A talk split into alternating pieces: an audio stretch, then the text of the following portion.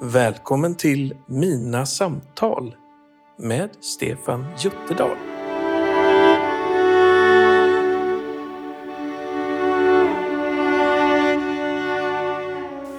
Idag har jag förmånen att sitta här tillsammans med Anneli Strömsö. Välkommen hit Anneli! Tack! Du är en av de eh, forskarna som finns inom det här världen med hjärtstopp. Och, ja, kan inte du berätta lite om vad, vad gör du och var finns du? Absolut. Eh, jag heter då Anneli och jag eh, är från grund och botten sjuksköterska inom anestesiområdet och har då eh, efter ett tag gått in i forskarvärlden och som då landade i att jag började faktiskt titta på patienter som hade behandlats för hjärtstopp och med det som till och med hjärt-lungräddningsutbildning. Mm. Så du, du håller på med det här. När började du med det här? Ja, men för det första så var jag klar sjuksköterska rätt ung eh, och jag var faktiskt under 20 år på den tiden när jag var klar sjuksköterska. Och eh, strax några år därefter så gick jag vidare och eh, läste då en vidareutbildning inom anestesi. Som man säger lite mer på svenska, att man blir narkossköterska. Mm. Men några år Eh, i kliniken så mm, började jag faktiskt leta kanske lite efter mer och eh, jobba med när det gäller inom eh, forskning, akademi och eh, jag kontaktade faktiskt en, en arbetskollega helt enkelt på en av mina före detta arbetsplatser där jag jobbat med hjärtpatienter och HLR, hjärt-lungräddning. Och på den vägen är det faktiskt att jag kom in inom den här hjärtstoppsdelen. Mm. Jag har ju um, lärt känna den här världen med hjärtstoppsforskning på ett speciellt sätt eftersom jag drabbades av ett hjärtstopp och överlevde ett hjärtstopp för eh, det var ju 2017. Eh, och jag har blivit väldigt intresserad av det och lärt mig en hel del om det. Men, men vi har ju också en gemensam historia. Våra vägar har korsats på lite speciella sätt. Du får berätta. Mm. Ja, det är ju otroligt speciellt det här och eh, det var ju faktiskt så när jag gjorde min anestesiutbildning som jag gjorde i eh, Småland kan vi väl säga, den delen av Sverige, eh, så hade jag en eh, eh, handledare inom kliniken som man alltid har när man gör sin kliniska del. Och det här var i början på 90-talet eh, och eh, den handledaren är faktiskt din fru, Ann-Margret. Som, ja, det är eh, märkligt. Det är märkligt, precis. Och hon eh, stod ut med mig en hel termin och var handledare för mig inom anestesiområdet. Så där har vi början, mm. kan vi säga. Och så småningom när eh, fick, vi träffades när du kom på besök hit med, för ganska många år sedan. Då, mm. då visste jag inte så mycket om vad du arbetade med, men det var, det var kul att lära känna varandra. Men sen kom det en helt annan dag när jag tillsammans med Anna-Margret var bjuden på din disputation. Vad, vad disputerade du i? Ja, nej men det hann ju gå några år därifrån när jag jobbade med det kliniska då inom mm. eh, anestesidelen. Eh, jag hoppade på en forskarutbildning eh, och började då som sagt med, jobba med kollegor inom hjärtstoppssjukvården kan man säga både på sjukhus och utanför sjukhus, för man delar upp de här delarna. Man tittar på personer som har behandlats, eller patienter som har behandlats på sjukhus och personer som har fått ett hjärtstopp och behandlats utanför sjukhuset mm. större. Eh, och eh, vi eh, lärde ju känna varandra när jag var en bit in i min forskarutbildning. Eh, och jag var ju klar med min forskarutbildning 2013. Så strax där innan lärde vi känna varandra och eh, sen var ni med på min disputation helt mm. enkelt. Mm. 2013, en, en majdag. Ja, en fantastisk dag. Ja. Um, ja. Och då förstod jag att du, du tillhörde, för mig var du inom forskareliten kring hjärtstopp, men då betydde inte det så jättemycket för mig eftersom jag jobbade inom helt andra delar av hälso och sjukvården och tyckte inte att jag, det berörde mig så mycket fastän det var en fantastisk disputation och, mm. och en sån fin tillställning. Men sen kom det i ett helt annat läge. Mm. Precis. Jag har ju jobbat egentligen hela tiden med, förutom den kliniska delen eh, och under min forskarbildning så har jag blivit involverad i ett nationellt kvalitetsregister som Sveriges kommuner och regioner eh, faktiskt är bakomliggande kan man väl säga. Eh, och det är Svenska hjärt-lungräddningsregistret och eh, varit med i den eh, från när jag kom in i det här området från 2006 kan man väl säga och varit en del i själva förvaltningen och forskningsprojekt, både nationella och internationella projekt. Och jag har jobbat mycket med den här registrerings eller registerdatan helt enkelt. Mm. Förklara vad Svenska hjärt-lungräddningsregistret mm. egentligen gör och vad är det? Precis, det kan ju låta rätt torrt och lite nördigt. Eh, men vi är några personer då som sitter och ser till att eh, alla Sveriges sjukhus och alla Sveriges ambulansstationer rapporterar in de patienterna de helt enkelt har haft hand om och behandlat för ett plötsligt oväntat hjärtstopp. Eh, och då registrerar vi eh, de här personerna med eh, ja, hur gamla, gammal man var när man väl fick sitt hjärtstopp, ifall man var man eller kvinna och vilken plats det skedde, ifall det är utanför sjukhus eller ifall det är på sjukhus och vad man har fått för behandling. Och vi är väldigt intresserade av själva tidsförloppet också från när det skedde och vad som har hänt fram tills man beslutar vad man ska göra med den här personen eller patienten mm. ifall det skett utanför eller på sjukhus. Så för oss är det väldigt viktig data att kunna samla in för att kunna ge Eh, ett kvitto till den personal som jobbar kliniskt framför allt med eh, den här delen, både inom ambulanssjukvården och på sjukhus. Mm. Och sen såklart så bidrar det här också till ett underlag till forskningsprojekt som faktiskt blir en, eh, leder till en vetenskap för att kunna veta hur vi ska mm, hantera hjärtstoppsvården i mm. Sverige. Mm. Nej, och jag halkade ju in på den delen när jag fick mitt hjärtstopp. Och så, sen kontaktade du mig och så hamnade jag förmodligen via dig i den styrgruppen för det här hjärt-lungräddningsregistret. Precis. Eh, och så för mig var ju det här en väldigt märklig situation från att ha lärt känna dig från början som min handledares man. Mm. Eh, och Eh, till den dagen jag fick reda på att du faktiskt hade drabbats av ett hjärtstopp och sen överlevt och kunna följa det här perspektivet som blev så otroligt verkligt. Ehm, och eh, i och med att jag sitter i den här styrgruppen för registerverksamheten så gav jag förslag då att vi absolut måste fråga Stefan som faktiskt har varit mitt i det här och sen har mycket erfarenheter nu i efterhand. För du kan vara en av dem som sitter med i styrgruppen för att kunna dela med dina erfarenheter som mm. överlevare helt enkelt. Man pratar ibland om co-production. Men det här är ju en form av så att när man medverkar, när man själv har kunskapen och har upplevt det här då. Absolut. Eh, och, eh, och det finns flera representanter för, ja. för de som har drabbats. Ja, precis. Mm.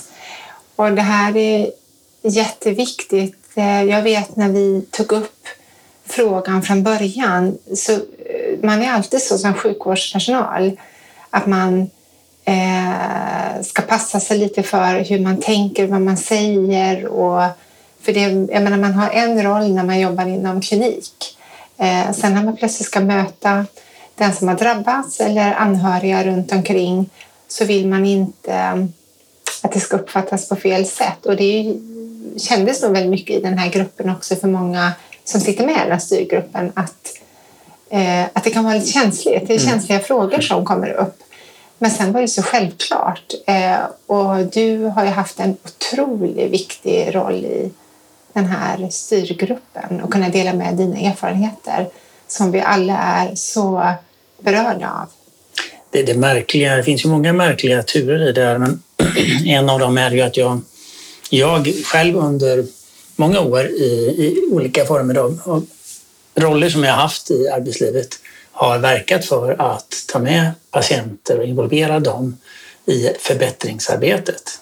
Så det hade ju jag, både jag och min fru Ann-Margret har haft sådana roller. Så det är klart att här känner man att cirklar sluts. Mm. Eh, så jag tycker det är spännande och mm. inspirerande. Mm. Jag tycker också det är självklart bra att representanter för de som är drabbade verkligen finns med. Mm. Jag tror att det gör vården det kan göra vården bättre och säkrare. Men, men det här är ju fascinerande liksom berättelser och trådar som går ihop. Men om du skulle liksom beskriv, beskriv din vardag, alltså du, du ägnar dig till stor del åt forskning, men det finns på Högskolan Dalarna. Mm. Mm. Eh, och berätta om, om ditt arbete. Ja. Nej, men jag arbetar på Högskolan Dalarna. Eh, delvis då som en lektor som man är anställd som där när man mm. är eh, ja, som i mitt fall då när jag är disputerad och jag har även forskningsdel i det hela i min anställning. Eh, jag har även en anställning inom ambulanssjukvården i Dalarna också som jag verkar i. Så att för mig har det varit väldigt viktigt att alltid koppla den kliniska delen med den akademiska delen. Mm. Eh, det, har, det har varit en en viktig del för mig hela tiden från när jag hoppade på akademin att mm. den kliniska delen ska alltid finnas kvar för eh, som man lever med verkligheten. Mm. Eh, och eh, jag menar i lärosätet nu som jag befinner mig där har vi studenter och det är jätteviktigt att engagera de studenterna i den här självklara eh, insatsen man kan göra med HLR.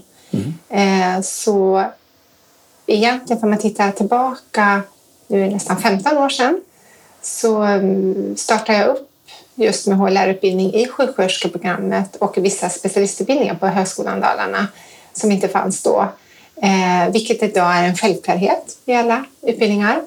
Eh, vi har även jag tänker andra yrkesroller på lärosätet som är väldigt drivna av att ha det här. Så vi har receptionspersonal, vi har annan servicepersonal som gärna vill ha HLR. Vi har HR som vill ha HLR. Allt upp på rektorsfunktion eh, där man vill ha HLR. Så att det här har blivit en självklarhet för Högskolan Dalarna som man har skaffat hjärtstartare på både i Borlänge och i Falun som vi har högskolan vi var ju och fick hälsa på hos dig och medverka på en dag i, i Falun eh, i början på det här året. Och det var ju fascinerande.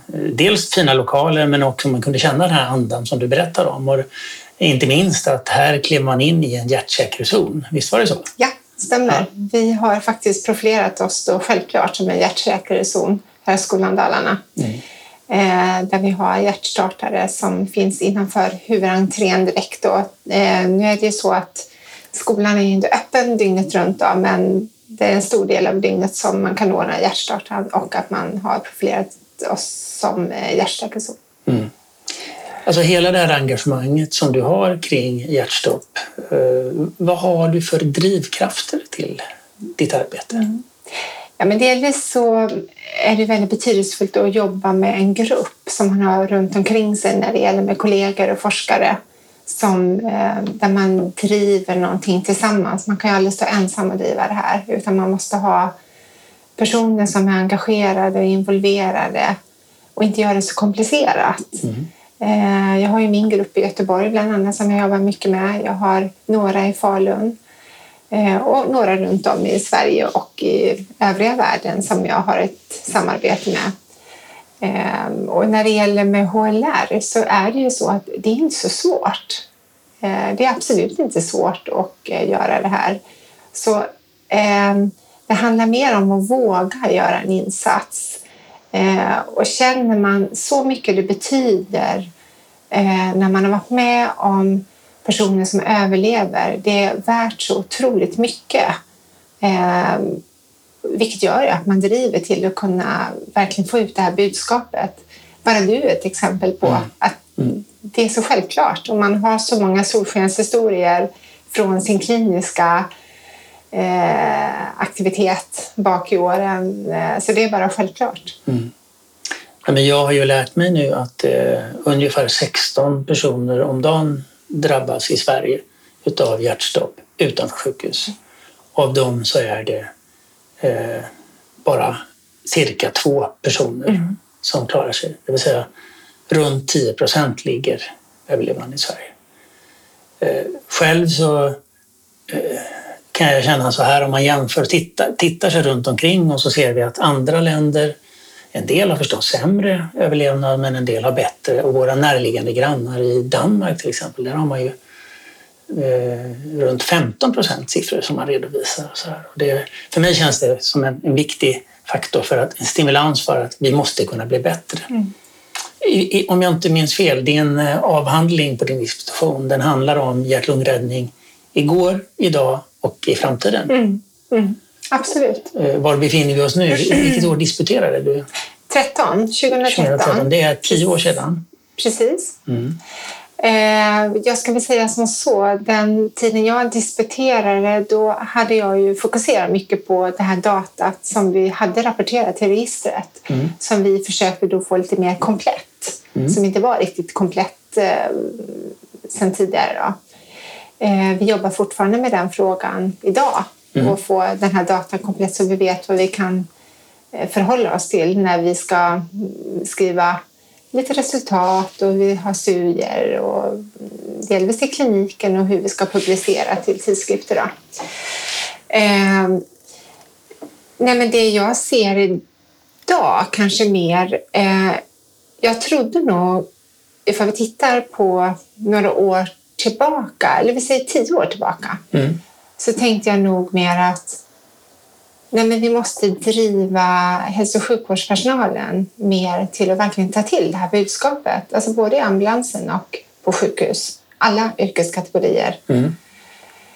Men ju mer jag ser hur hälso och sjukvården eh, har det idag, personalmässigt, ekonomiskt, eh, så det är jättesvårt att lägga på hur mycket projekt som helst inom hälso och sjukvården för att det är så tungt jobb ändå.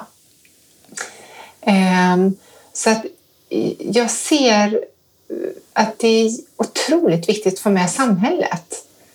Alltså du behöver inte vara hälso och sjukvårdsutbildad för att kunna utföra HLR. Mm. Ehm, och det har jag nog i och för sig tänkt hela tiden att jag menar det är samhället vi måste få med för att kunna öka överlevnaden. Så är det bara. Så jag tror ju mycket mer på att man måste driva på samhället. Jag menar, det är ingen som går eh, fri från att få drabbas av ett hjärtstopp. Mm. Det spelar ingen roll hur pass tränad man är, jag menar, vad du har för livsstilsfaktorer. Du, du kan ju ändå på något sätt drabbas av det av olika orsaker. Eh, och då handlar det om att ha någon person nära till hands, för det handlar om tid. Mm. Det är en tidsfaktor som avgör hur du kommer faktiskt eh, få det i första hand när mm. du behandlas för ditt hjärtstopp.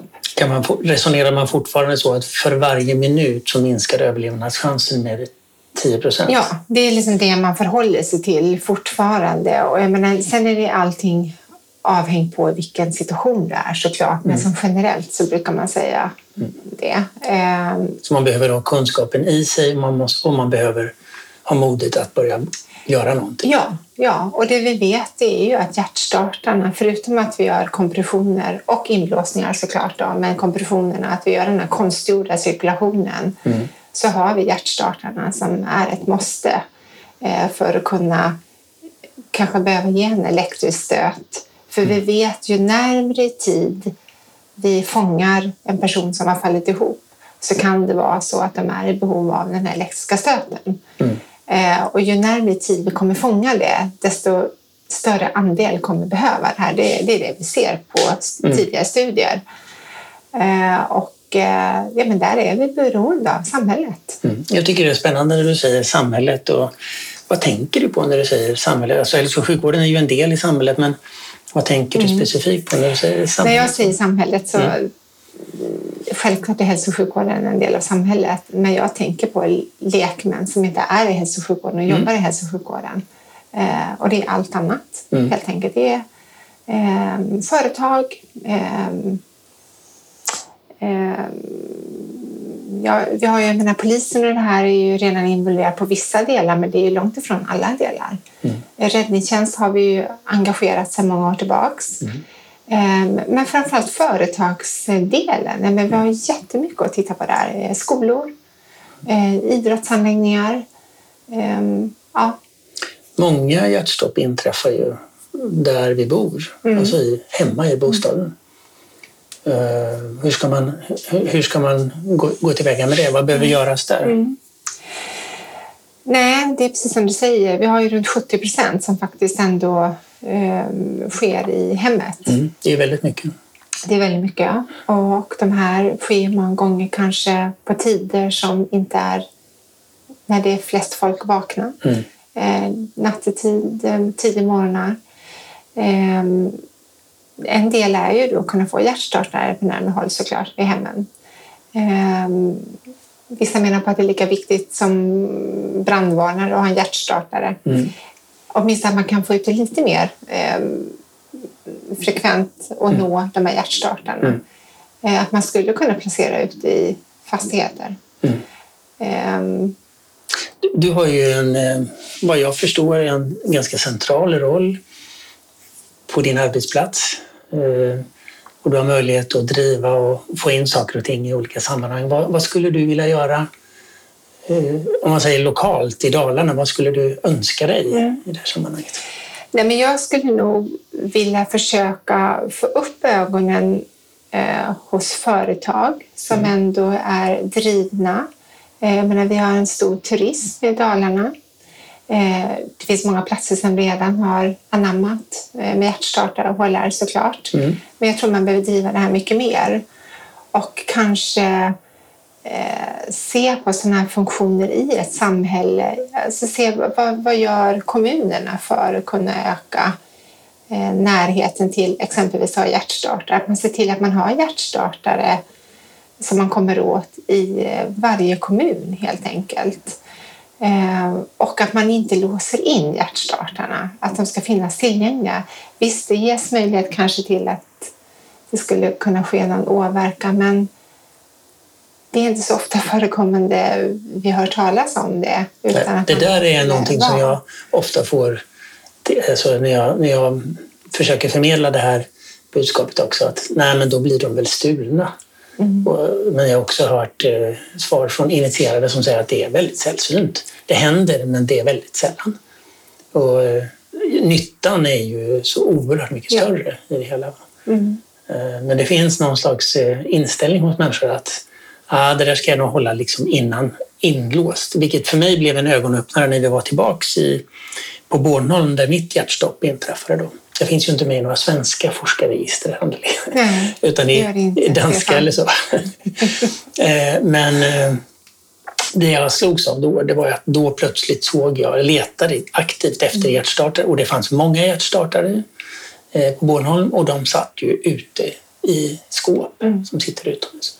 Och det kände jag, det är en kulturskillnad som jag gärna skulle vara, vill vara med och medverka till att det förändras.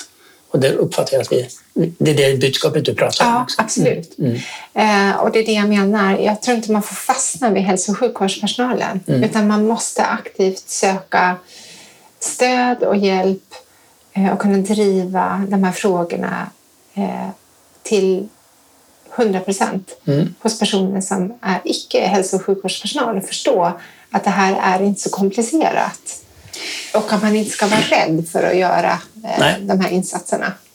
Men då 2013 så, så skrev du liksom hjärt-lungräddning igår, idag och imorgon. Och frågan är om vi befinner oss imorgon nu tio år senare. Men om vi, om vi tar ytterligare några år framåt, alltså mm. vad, vad är din vision, Anneli? Mm. Vad skulle du vilja uppnå?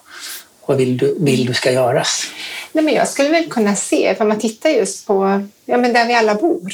Mm där, där vi bor, vi invånare. Eh, varför tar man inte det här mer på allvar och faktiskt investerar i hjärtstartare i en eh, bostadsrättsförening till exempel? Eh, för varje bygge som byggs så kanske det ska ingå en hjärtstartare när man bygger lägenhetskomplex eller i ett bostadsområde. Att det ingår som en del eh, som en naturlig del helt enkelt. Mm. Eh, även tittar på utbildningen om HLR såklart. Vi kommer alltid kunna bli guidade av SOS, eh, av en larmcentral, oavsett OSS eller någon annan larmcentral. Men att vi blir kanske lite mer eh, upplysta i hur vi kan utbilda oss i HLR. Det är också en väldigt enkel mm. sak att kunna ta till. Och det tror jag är framtiden för att kunna påverka den här överlevnadssiffran. Eller vi måste ha den påverkan för att det ska kunna ske något. Mm. Eh, spännande. Eh, dina, eller dina, men studenterna som ni har, hur skulle ni kunna använda dem ännu mer i, i det här arbetet? Eh, ja, det är någonting som vi har lite funderingar på. Att här mm. skulle man ju kunna använda det på ett helt annat sätt och kunna få in det som en del i studenternas Eh, att de kan vara behjälpliga. Mm. Nu har vi inte kommit så långt än, men det finns en tanke om att de skulle kunna vara med och eh, utbilda mm. Eh, i vissa ändamål. I, tittar man på Dalarna eller tittar på kommunen, någon kommun eller några kommuner i Dalarna. Mm. Där får man ju se lite hur det kan passa in också såklart. Men, men absolut, då blir det ju verkligen en, en insats utifrån det faktiskt de kommer möta sen i sin framtid när mm. de är färdiga sjuksköterskor exempelvis. Mm, det låter som en, en spännande idé. Det här med att vara forskare, det är man förmodligen inte bara i tanken är man det väl även utanför arbetstid. Alltså det är någonting som pågår hela tiden. Och du, du berättade att du jobbar också internationellt. Mm. Är det någonting som, som är något särskilt som du vill, kan lyfta fram? Liksom?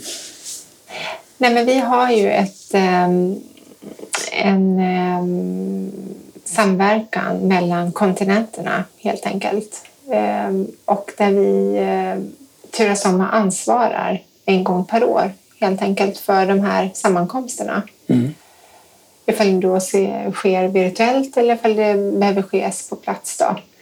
Eh, och där eh, blir det att vi presenterar lite hur vårt läge ser ut exempelvis i Sverige eller i Europa eller i Asien eller i USA eller vad det nu handlar om. Och eh, då kan det vara, i det här fallet nu så har det varit mycket fokus på utanför sjukhus, de hjärtstoppar som handlar om mm. hur de registreras, hur det sköts där. Men vi börjar även komma lite på in på sjukhus. Eh, Sverige har ju alltid varit eh, liksom före då i den här registreringen och varit ett, en föregångare helt mm. enkelt. Mm. Där vårt grannland Norge bland annat, vi har bra samarbete. Vi samarbetar med Tyskland och Irland, vi samarbetar med hela Europa. Vi har ju ett mm. europeiskt register.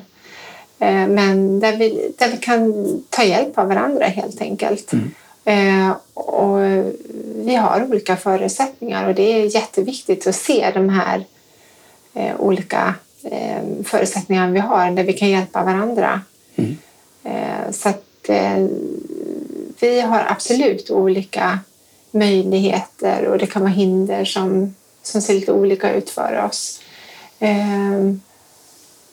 Vi har ju det unika med Sverige att ha våra personnummer som är eh, kanske på gott och ont för många men i det här sammanhanget nu så kan vi ju göra jättemycket med uppföljning av och faktiskt hjälpa framför allt eh, de som överlever ett hjärtstopp eh, och anhöriga mm. För att kunna följa upp de som överlever och kunna erbjuda samtal och hjälp. Och. Det låter ju, det är ingen tvekan om att du är väldigt engagerad i det här och du känner det meningsfullt.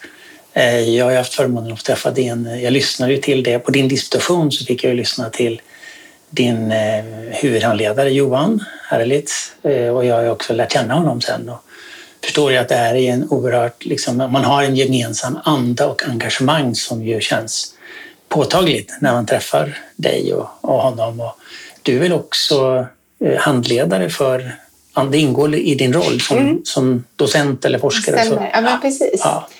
Eh, jag handleder tre stycken doktorander mm. och som man då säger huvudhandledare och två, varav en av de två är inom eh, hjärtstoppsdelen på sjukhus. Mm. Så vi gör väl ungefär samma arbete på sjukhus nu som vi gjorde utanför sjukhus. Okay. Vilket är jättespännande. Och jag är även med och hjälper till då som handledare som en bihandledare som det kallas för eh, till en annan doktorand som håller på med hjärtstopp i samband med idrott. Så det är jättespännande. Just det, vi träffade, det var Matilda, Matilda. Jag, som vi träffade Precis. i Falun. Ja. Mm, mm. Och det känns ju väldigt meningsfullt och engagerat. Sådär. Hur får du tiden att räcka till? Eh, ja, jag brukar inte fundera så mycket över tiden. Eh, Hur återhämtar du dig och vad gör du på fritiden? Precis, du har någon på fritiden? Ja, nej, men jag är nog, när jag väl har min fritid så stänger jag nog av helt. Eh, mycket idrott min, eh, på min fritid. Hästar och eh, barnen som idrottar inom simning bland annat. Då. Ehm, det låter som en ganska aktiv fritid. Ja, det är en aktiv fritid. Men då kopplar man av huvudet ja. och försöker då hitta som stunder som denna och träffa trevliga människor. Mm. Det är viktigt och meningsfullt. Mm. Tack så mycket Anneli för att du kom hit och för att jag fick ha det här samtalet med dig. Tack så jättemycket.